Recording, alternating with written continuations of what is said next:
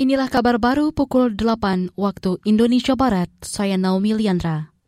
BUMN Bio Farma mengklaim vaksin COVID-19 Indovac menggunakan 80 persen tingkat komponen dalam negeri. Dikutip dari Antara, Direktur Utama Bio Farma Honesti Bashir mengatakan, produksi Indovac dapat mengurangi ketergantungan pada vaksin impor, yang ujungnya bisa menghemat devisa negara. Selain itu ada efek pengganda lain berupa penyerapan tenaga kerja lokal sebab dari hulu ke hilir vaksin ini dikembangkan oleh anak bangsa.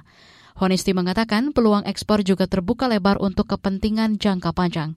Bio Farma sudah mendaftarkan emergency use listing ke Badan Kesehatan Dunia WHO agar Indovac bisa digunakan negara lain melalui mekanisme multilateral COVAX Facility. Bio Farma juga akan mengajukan sertifikasi kehalalan Indovac sebelum produksi vaksin dimulai.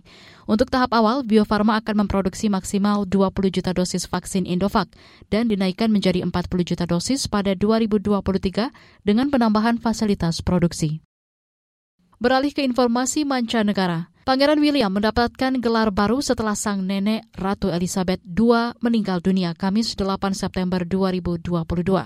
William dan istrinya Kate Middleton kini bergelar Duke and Duchess of Cornwall serta Cambridge.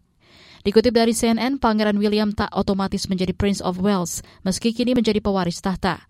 Prince of Wales adalah gelar yang harus diberikan sang ayah, Raja Charles III. Dulu Charles menjadi Prince of Wales pada 1958 dan dikukuhkan lewat penobatan pada 1969.